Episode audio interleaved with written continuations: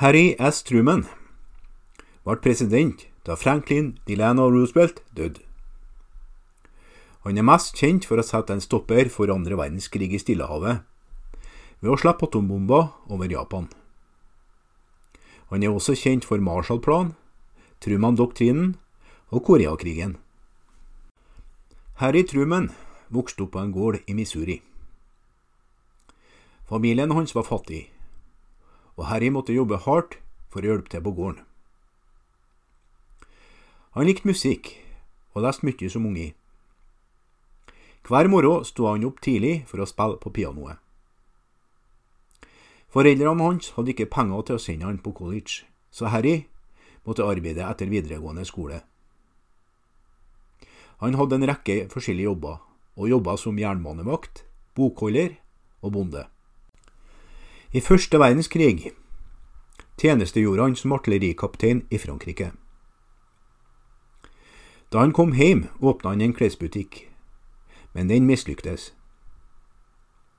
Truman gikk da inn i politikken, hvor han ble mye mer vellykka. Han jobba som dommer i mange år, og deretter fikk han en plass i det amerikanske senatet i 1935. Han var senator i ti år da Franklin Delano Roosevelt ba han om og ble visepresident i 1944. President Roosevelt døde kort tid etter å ha blitt valgt til sin fjerde periode som president. Og Truman ble nå USAs president. Andre verdenskrig raste fortsatt på denne tida, men utviklinga gikk i rett retning for de allierte. Bare noen få måneder senere overga tyskerne seg, men president Truman måtte fortsatt kjempe mot Japan. Japan hadde blitt beseira flere ganger under andre verdenskrig, bortsett fra at de nekta å overgi seg. En invasjon av Japan ville trolig koste flere hundre tusen amerikanske liv. Samtidig hadde USA utvikla et fryktelig nytt våpen, atombomber. Truman måtte avgjøre om USA skulle invadere Japan eller bruke bomber. For å redde livene til amerikanske soldater bestemte han seg for å bruke bomber. USA droppa en atombombe over Hiroshima 6.8.1945. Noen dager senere droppa de ei anna ei over Nagasaki. Ødeleggelsene av disse byene var ulikt noe som helst annet i menneskets historie. Japan overga seg kort tid etter. Etter andre verdenskrig var det fortsatt mange problemer som Truman måtte håndtere. Først var gjenoppbygginga av Europa, som ble herja av krigen. Han brukte Marshall-planen for å hjelpe europeiske nasjoner til å gjenoppbygge landene sine. Et annet stort problem var Sovjetunionen og kommunismen. Sovjet hadde blitt en stormakt som ønska å spre kommunismen over hele verden. Truman bidro til å danne Nato sammen med Canada og Vest-Europa. Disse landene ville bidra til å beskytte hverandre fra Sovjetunionen. Dette starta også den kalde krigen mellom USA og Sovjetunionen. Med kommunismens spredning begynte krigene å bryte ut i andre deler av verden. Truman sendte amerikanske tropper til Korea for å kjempe i Koreakrigen. Han sendte også hjelp til Vietnam. Truman levde lenge etter å ha blitt gått av som president. Han døde av lungebetennelse i en alder av 88 år. Suez-krisa var ei krise i Midtøsten i 1956. Det starta med at Egypt prøvde å ta kontroll over Suezkanalen som ble etterfulgt av et militært angrep fra Israel, Frankrike og Storbritannia. Suezkanalen er en viktig vannvei i Egypt. Den forbinder Rødehavet med Middelhavet. Kanalen er viktig for skip som drar fra Europa til Midtøsten og India. Suezkanalen ble bygd av den franske entreprenøren Ferdinand de Lesseps. Det tok over ti år og anslagsvis 1,5 million arbeidere for å fullføre Suezkanalen. Kanalen ble først åpna 17.11.1869. Suezkanalen er fortsatt åpen i dag, og er gratis for alle land. Den eies og drives av Suez Canal Authority og Egypt. Kanalen er 180 km lang og 670 meter brei. I 1954 tok Amal Abdel Nasser kontroll over Egypt. Et av Nassers mål var å modernisere Egypt. Han ønska å bygge Aswandammen, som var en stor del av moderniseringa av landet. De forente stater og britene hadde blitt enige om å låne egypterne penger til bygginga av dammen.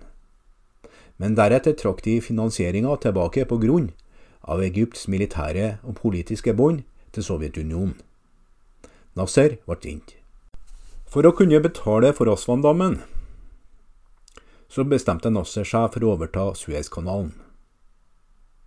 Den har blitt kontrollert av britene gjennom mange år, for å holde den åpen og fri for alle sjøfartsnasjonene. Nasser beslagla kanalen. Han ville belaste alle skip for penger som gikk gjennom kanalen, for å betale for Rasvandammen. Britene, franskmennene og israelerne hadde alle problemer med Nassers styre på denne tida. De bestemte seg for å bruke kanalen som årsak til å angripe Egypt. De planla i all hemmelighet at Israel skulle angripe og ta over kanalen. Da ville franskmenn og briter komme inn som fredsbevarende styrker som tok kontroll over kanalen. Akkurat på samme måte som de hadde planlagt, så angrep israelerne og tok kanalen. Så gikk britene og franskmennene inn i Egypt. Da ba begge sidene om å stoppe krigen. Men da Egypt ikke ville stoppe krigføringa, så bomba britiske og franske fly Egypt. Amerikanerne ble sinte på franskmennene og britene. Samtidig med Suez-krisa invaderte Sovjetunionen Ungarn. Sovjetunionen hadde også trua med å komme inn i Suez-krisa på egypternes side. USA avslutta konflikten med å tvinge israelerne, britene og franskmennene til å trekke seg ut av Egypt for å hindre en konflikt med Sovjetunionen. Et resultat av Suez-krisen var at makta til Storbritannia aldri ble helt den samme igjen. Sir Anthony Eden var den britiske statsministeren på denne tida. Han gikk av kort tid etter at krisa var avslutta. Det var helt klart at de to verdensmaktene på denne tida var USA og Sovjetunionen. Dette var den kalde krigen. Og når noe påvirka USAs og Sovjetunionens interesser, så ville disse landene involvere seg og hevde sin makt. Suezkanalen hadde strategisk og økonomisk betydning for både Sovjetunionen og USA. Det var i begge land sine interesser å holde kanalen åpen. Nasser endte opp med å vinne stor popularitet både i Egypt og i den arabiske verden for sitt engasjement i Suez-krisa. Krisa i Egypt som trepartsaggresjonen. Begrepet den røde fare brukes til å beskrive perioder med ekstrem antikommunisme i USA. Rød kommer fra fargen til det sovjetiske flagget. Fare kommer fra det faktum at mange mennesker var redd for at kommunismen skulle komme til USA. Det var to den røde fareperioder.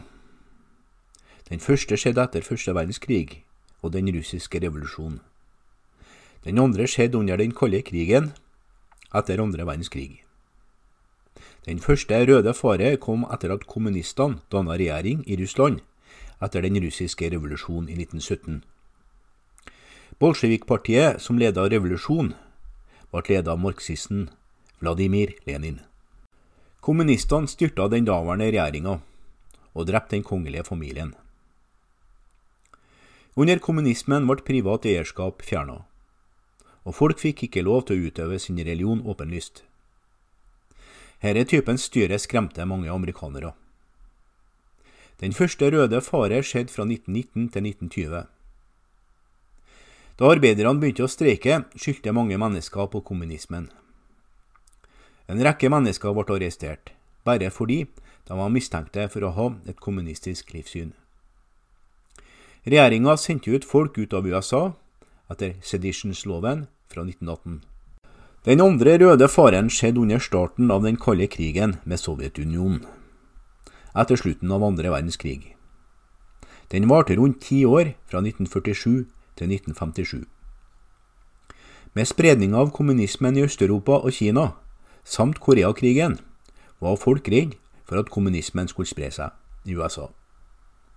Sovjetunionen hadde også blitt en verdensmakt og hadde utvikla atombomber. Folk var redd for at alle som delte syn med kommunistene, og hjalp sovjeterne med å få hemmelig informasjon om USA. Den amerikanske regjeringa var sterkt involvert i Den røde fare. En av hovedkorsfarerne mot kommunismen var senator Joseph McCarthy. McCarthy var fast bestemt på å ta kommunister. Han brukte imidlertid sladder for å få tak i informasjon. Han hadde ofte lite bevis når han anklaga folk for å jobbe for Sovjetunionen. Han ødela mange menneskers karrierer og liv, før andre ledere i Kongressen avslutta hans korstog. FBI, ledet av antikommunisten G. Edgar Hoover, ble også involvert. De brukte avlytting og spionerte på mistenkte kommunister. FBI ga informasjon til McCarthy og andre antikommunistiske ledere. Også involvert i Den røde fare var House Committee of Un-American Activities. Her var en komité i Representantenes hus i Kongressen. Et område de undersøkte, var Hollywood. De anklaga noen Hollywood-ledere, manusforfattere og styremedlemmer for å være prokommunistisk. De ønska at Sovjetunionen skulle bli portrettert som fienden, i filmer og underholdning. Ryktet hadde det at ei svarteliste ble laga av alle som var mistenkt for å være assosiert med det amerikanske kommunistpartiet. Disse menneskene fikk ikke arbeid under Den røde fare. Dwight D. Eisenhower er best kjent for å være den øverstkommanderende for de allierte styrkene under andre verdenskrig. Under hans to perioder som president opplevde USA økonomisk velstand og fred. Dwight D. Eisenhower ble født i Texas, men foreldrene hans flytta til Abilene i Kansas mens han fortsatt var ung. Det står for David. Det var i Abilene at han vokste opp med sine fem brødre. Av en eller annen grunn likte guttene å bruke kallenavnet Ike. De kalte hverandre Big Ike, Little Ike og Ugly Ike. Navnet ble hengende fast ved Dwight, og uttrykket 'We like Reich' ble en viktig del av hans presidentkampanje. Dwight D. Eisenhower ble uteksaminert fra videregående skole, og starta på jobben til far sin på det lokale meieriet. Foreldrene hans oppfordra han til å gå på college. Siden Dwight hadde vokst opp med en sterk interesse for militæret, bestemte han seg for å starte på US Military Academy på West Point. Etter å ha blitt uteksaminert fra West Point, starta Eisenhower militærtjenester. Han var en talentfull leder, og han steg raskt i gradene. Hans klasse på West Point hadde 59 elever som ble general i løpet av sine militære karriere. Dwight og kona Mami eide aldri en heim før han ble president. I løpet av hans militærkarriere hadde de flytta 28 ganger, og de hadde aldri kjøpt en heim. Under andre verdenskrig nådde Eisenhower høyeste rang i hæren. Han ble en femstjerners general. Han ble også utnevnt til å bli den øverste kommandanten for de allierte styrkene i Europa av president Roosevelt. Som toppgeneral planla han invasjon av Normandie, også kalt det dagen. Invasjonen ble en suksess, og bidro til å presse tyskerne ut av Frankrike. Dette var en av de avgjørende seirene i krigen. Da krigen i Europa ble avslutta, så aksepterte Eisenhower den formelle overgivelsen av de tyske troppene. Et par år etter at andre verdenskrig slutta, i 1948, slutta Dwight D. Eisenhower i hæren. Han jobba først som president for Columbia University, og deretter som øverstkommanderende for Natos styrker i Europa. Mange spurte han om han ville bli president. Først sa han nei, men i 1952 bestemte han seg for å prøve å bli president. Noen av hans prestasjoner som president omfatter Eisenhower ønska å stoppe kommunismens spredning. Han uttalte at et hvilket som helst land kunne kreve hjelp eller militær hjelp fra USA hvis det var trua av et annet land. Herre doktrin ble utforma for å stoppe Sovjetunionen. Han bygde og utvikla motorveisystemet som brukes i dag for å reise rundt i USA. Han så på herre som noe som var nødvendig for å hjelpe økonomien, men også viktig militært når det gjaldt å stoppe en invasjon. Han oppretta den sivile rettighetsloven fra 1957 og 1960. Han støtta også integrering av skoler og oppretta et permanent borgerrettighetskontor i Justisdepartementet. Han betrakta rasisme som et nasjonalt sikkerhetsspørsmål. Han bidro til å forhandle fram en slutt på Koreakrigen i 1953. Han stasjonerte også amerikanske tropper ved grensa mellom Sør-Korea og Nord-Korea for å holde fred. Det er fortsatt amerikanske tropper der i dag. Alaska og Hawaii ble innlagt i USA som stater mens han var president. Dwight D. Eisenhower døde av hjertesykdom mens han ble hjerteoperert i 1969. Under den kalde krigen engasjerte USA og Sovjetunionen seg i en konkurranse for å se hvem som hadde den beste teknologien ute i verdensrommet. Dette omfatta slike hendelser om hvem som kunne sette det første bemanna romfartøyet i bane rundt jorda, og hvem som ville være den første til å gå på månen. Romfartskappløpet ble ansett som viktig fordi det viste verden hvilke land som hadde den beste vitenskapen, teknologien og det økonomiske systemet. Etter andre verdenskrig innså både USA og Sovjet hvor viktig rakettforskninga ville være for militæret og forsvaret. De rekrutterte de beste rakettforskerne fra Tyskland for å hjelpe dem med sin forskning. Snart hadde begge sidene fremgang innen raketteknologien. Romfartskappløpet starta i 1955, da begge landene annonserte at de snart skulle sende satellitter ut i bane rundt jorda. Sovjeterne tok den amerikanske kunngjøringa som en utfordring, og oppretta sjøl en kommisjon hvis mål var å slå USA med å skyte opp en satellitt ut i rommet. 4.10.1957 plasserte russerne den første vellykka satellitten i bane rundt jorda. Den ble kalt for Sputnik 1. Russerne hadde tatt ledelsen i romfartskappløpet. Amerikanerne skjøt opp sin første satellitt først fire måneder senere. Den ble kalt for Explorer 1.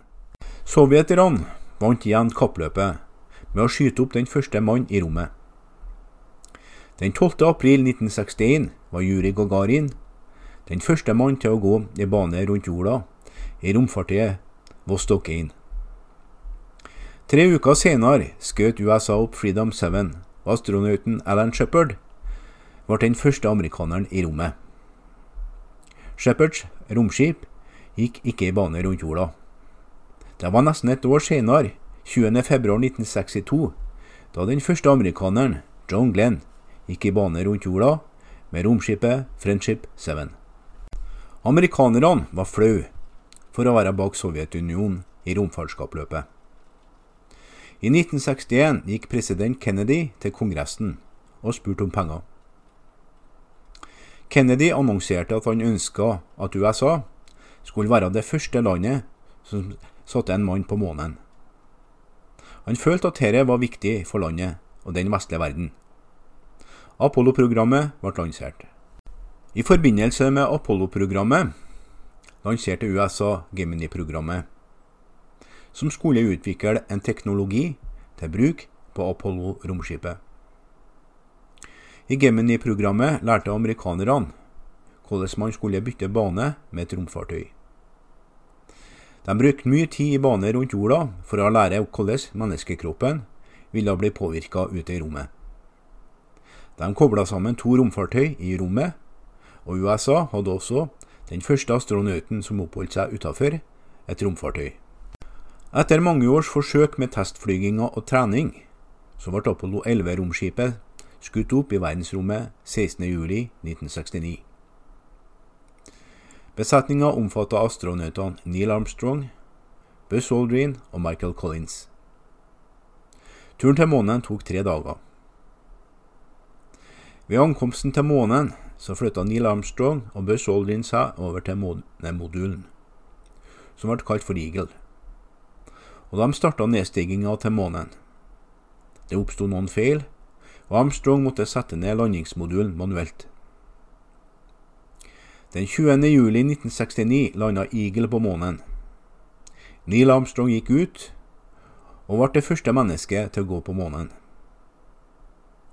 Med det første skrittet på månen sa Armstrong. Her er et lite skritt for et menneske, men et stort sprang for menneskeheten. Med Gemini og Apollo-programmene hadde USA tatt en stor ledelse i romkappløpet. I juli 1975 begynte relasjonene mellom USA og Sovjetunionen å tine. Da starta det første amerikansk-sovjetiske fellesoppdraget med Apollo-Soyez-prosjektet. Romfartskappløpet var over. Berlinmuren ble bygd av den kommunistiske regjeringa i Øst-Berlin i 1961. Muren delte Øst-Berlin og Vest-Berlin. Den ble bygd for å hindre folk fra flukt fra Øst-Berlin. På mange måter var det det perfekte symbolet på jernteppet, som skilte de demokratiske vestlige landene fra de kommunistiske landene i Øst-Europa gjennom den kalde krigen. Etter andre verdenskrig endte Tyskland opp i to separate land. Øst-Tyskland ble en kommunistisk stat under kontroll av Sovjetunionen. Samtidig var Vest-Tyskland et demokratisk land, og alliert med Storbritannia, Frankrike og USA. Den opprinnelige planen var at landet til slutt skulle bli gjenforent, men heller skjedde ikke på lenge. Berlin var Tysklands hovedstad. Sjøl om den befant seg i den østlige delen av landet, ble byen kontrollert av alle de fire allierte Sovjetunionen, USA, Storbritannia og Frankrike.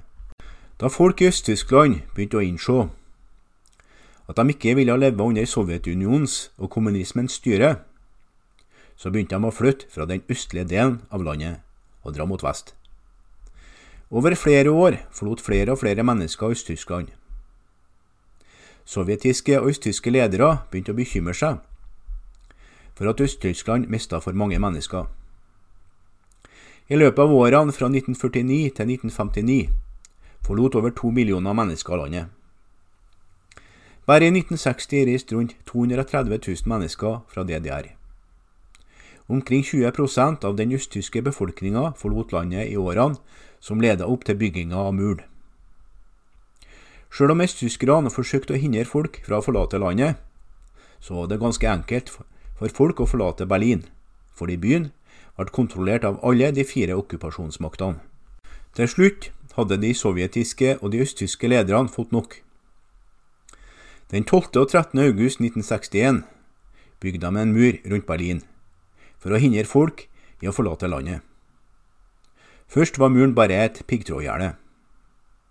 Senere ville den bli bygd av betongblokker som var tolv meter høy og fire meter brei. Det var også mange vakttårn langs Berlinmuren. Vakta ble beordra til å skyte dem som forsøkte å rømme. Det anslås at rundt 5000 mennesker rømte over eller gjennom muren i løpet av de 28 årene som den sto der. Omkring 200 ble drept da de forsøkte å flykte. I 1987 holdt president Ronald Reagan en tale i Berlin, hvor han ba Sovjets leder Mikhail Gorbatsjov om å rive ned denne muren. På denne tida begynte Sovjetunionen å kollapse. De mista grepet på Øst-Tyskland 9.11.1999, da kunngjøringa ble gjort. Grensene ble åpna, og folk kunne fritt bevege seg mellom Øst- og Vest-Tyskland. Mye av muren ble revet ned av folk som hogg den bort, da de feira slutten på et delt Tyskland. Den 3. oktober 1990 var Tyskland formelt gjenforent som et enkelt land. I 1961 prøvde en gruppe eksilcubanere å velte Castros styre på Cuba. De mislyktes fullstendig. Hendelser betraktes som en del av den kalde krigen, fordi USA prøvde å hindre kommunismen i å få fotfeste på det amerikanske kontinentet. Fidel Castro ledet den cubanske revolusjonen, som velta det eksisterende styret i 1959. Han var en ihuga kommunist, og han fikk hjelp fra Sovjetunionen. Dette gjorde at amerikanerne ble bekymra for at Sovjet og kommunismen skulle få fotfeste på det amerikanske kontinentet. De ville velte Castros regime på Cuba. Det var mange cubanere som flykta fra Cuba da Castro tok makta. De ble kalt eksilcubanere og holdt til for det meste i Florida. USA begynte å trene disse eksilcubanerne i geriljakrigføring. De cubanske flyktningene var trent av CIA i Guatemala. Tanken var at de skulle dra tilbake til Cuba og innlede en geriljakrig mot Castro. De ville samle andre misfornøyde cubanere, og til slutt styrte Castro. Planen endra seg imidlertid. Den nye planen gikk ut på å hjelpe eksilcubanerne til å invadere øya. Håpet var at lokalbefolkninga skulle slå seg sammen med dem, og lokalbefolkninga ville raskt ta over. José Miro Cardona skulle bli president på Cuba når Castro ble styrta. Invasjonen var opprinnelig planlagt og skulle finne sted i byen Trinidad. Men president Kennedy mente at de trengte et mer tilbaketrukket sted med lite folk. Grisebukta ble valgt i stedet. Tanken var at fly først skulle fly innover Cuba og ødelegge det cubanske luftforsvaret. Da skulle invasjonsstyrken på 1500 soldater gå i land. Invasjonsstyrken ble kjent som Brigade 2506. Amerikanerne håpa at det cubanske folket ville bli med De i et opprør mot Castro. CIA prøvde å planlegge invasjon i det skjulte, men for mange mennesker visste om invasjon opplysninger og informasjon kom ut. Cubanerne visste at invasjonen kom. Invasjonen skjedde 17.4.1961. Den gikk ikke bra. Selv om det cubanske luftvåpenet ble skada av tidligere luftangrep, så var det fremdeles fly igjen til å angripe inntrengerne. Da invasjonen starta, tok det for lang tid før troppene ammunisjon kom i land fra skipene. Før ammunisjon kunne lastes, senka cubanske fly angripernes skip. Mange av fallskjermjegerne som skulle stanse Castros styrker på bakken, landa på feil plass eller i sumpene. Snart ble angriperne omgitt av en mye større cubansk styrke, og de var tomme for ammunisjon. De prøvde å trekke seg tilbake, men de fleste ble til slutt tatt til fange og satt i fengsel. Angriperne ville hatt en mye bedre sjanse til å rømme opp i åsene hvis de hadde brukt det opprinnelige landingsstedet Trinidad. De var imidlertid omgitt av sumper og myr ved Grisebukta, og hadde ingen plasser å rømme. Resultatene var katastrofale for USA. Regjeringa fremsto som svak, og CIA virka udugelig. Invasjonen så ut til å styrke Castros regjering på Cuba, og fikk Castro til å se på Sovjetunionen som en militært alliert. Cuba-krisa starta i 1962, da Sovjet starta med å installere atomstridshoder på Cuba. USA ville ikke godta dette. 13 spennende dager fulgte med hemmelige forhandlinger før Sovjet gikk med på å fjerne de utplasserte rakettene. Det var like før de to supermaktene tok i bruk atomvåpen under herre begivenheter. Like før Cuba-krisa hadde USA prøvd å styrte Fidel Castro under invasjon av Grisebukta. Invasjonen mislyktes, men den ble sett på som en advarsel til Fidel Castro. USA derimot hadde installert atomraketter i Italia og Tyrkia, som kunne nå mål langt inne i Sovjet. Som en konsekvens av dette følte Sovjet at de måtte installere atomraketter på Cuba, slik at de kunne ramme mål i USA. 14.10.1962 fløy et U-2 spionfly over Cuba. Det tok masse bilder.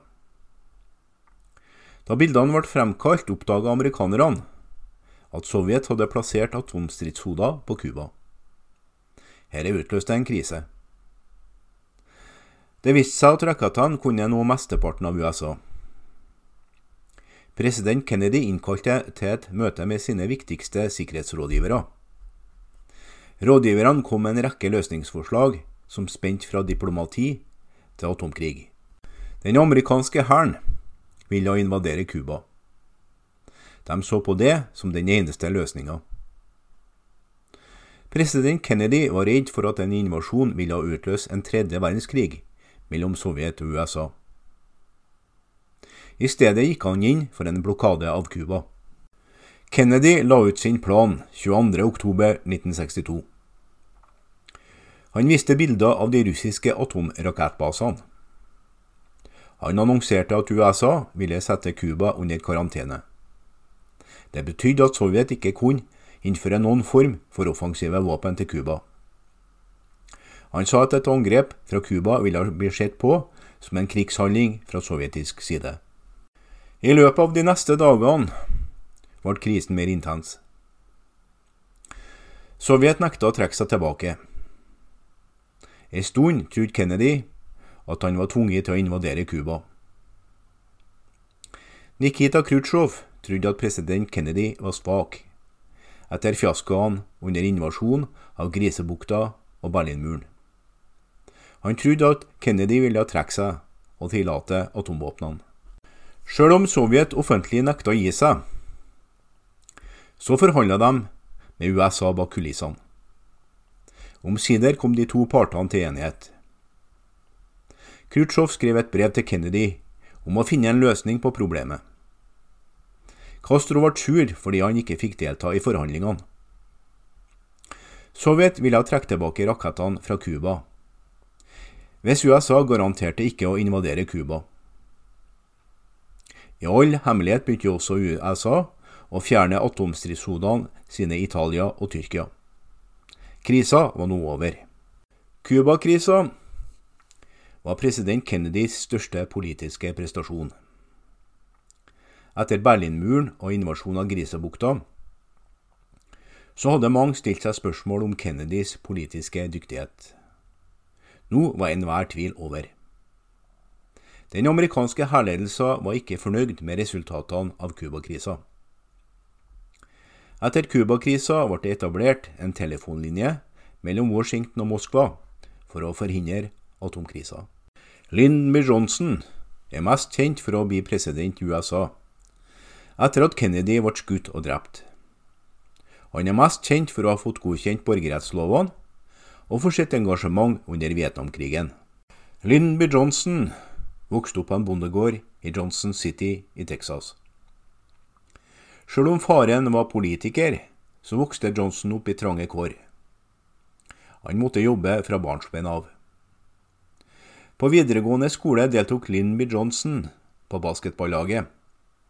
Deltok i debatter, og han likte spesielt godt å diskutere politikk. Johnson var ikke sikker på hva han ville bli, men han likte å undervise. Derfor utdannet han seg til lærer. Han ga opp lærergjerninga lenge før han ble valgt inn i Kongressen. Han ville heller satse på politikk. Dermed begynte han å studere jus ved Georgetown Universitetet i Washington. Like etter at han var ferdig med jusstudiene, så ble Lyndon B. Johnson valgt inn i Kongressen. Johnson var kongressmann i tolv år. Han tok et avbrekk fra politikken for å kjempe under andre verdenskrig. Han fikk en Silver Cross for innsatsen. I 1948 sikta han seg mot å bli valgt inn i Senatet. Han ble valgt inn med liten margin på den andre kandidaten. Lyndon B. Johnson oppholdt seg nå tolv år i Senatet. I 1955 ble han leder for Senatet. I 1960 satsa han på å bli president. Han tapte nominasjonskampen i Det demokratiske partiet til John F. Kennedy. Kennedy vant valget, og han utnevnte Johnson til visepresident. Under et besøk i Dallas i november 1963 så ble president Kennedy skutt og drept. Han ble drept i bilen som kjørte foran Johnson sin bil. Like etter ble Johnson tatt i ed som ny amerikansk president. President Johnson hadde et sterkt ønske om å forbedre livet for mange mennesker i USA. Han ville skape The Great Society, der alle hadde like rettigheter og samme muligheter. Han brukte populariteten sin til å vedta et lovverk for å bekjempe kriminalitet, forhindre fattigdom, beskytte minoritetenes stemmerett, forbedre utdanninga og bevare miljøet. Kanskje den største bedriften under Johnsons presidentskap var passeringa av borgerrettighetsloven fra 1964. Denne loven gjorde at de fleste former for rasediskriminering, inkludert segregering, i skolen ble ulovlig. I 1965 signerte Johnson stemmerettighetsloven, som tillot at den føderale regjeringa kunne forsikre seg om at alle innbyggernes stemmerett, uavhengig av rase, ble beskytta. Vietnamkrigen viste seg å bli Johnsons undergang. Under Johnson eskalerte krigen, og USAs engasjement i Vietnam vokste. Etter hvert som flere og flere amerikanske soldater døde i krigen, så begynte Johnsons popularitet å avta. Mange mennesker var uenige i USAs engasjement i Vietnam i det hele tatt, og protester og demonstrasjoner vokste frem over hele landet. Johnson satte inn full innsats for å få til et fredsoppgjør, men han mislyktes til slutt. Etter å ha trukket seg tilbake til ranchen sin i Texas, så døde Lyndon B. Johnson av et hjerteinfarkt i 1973.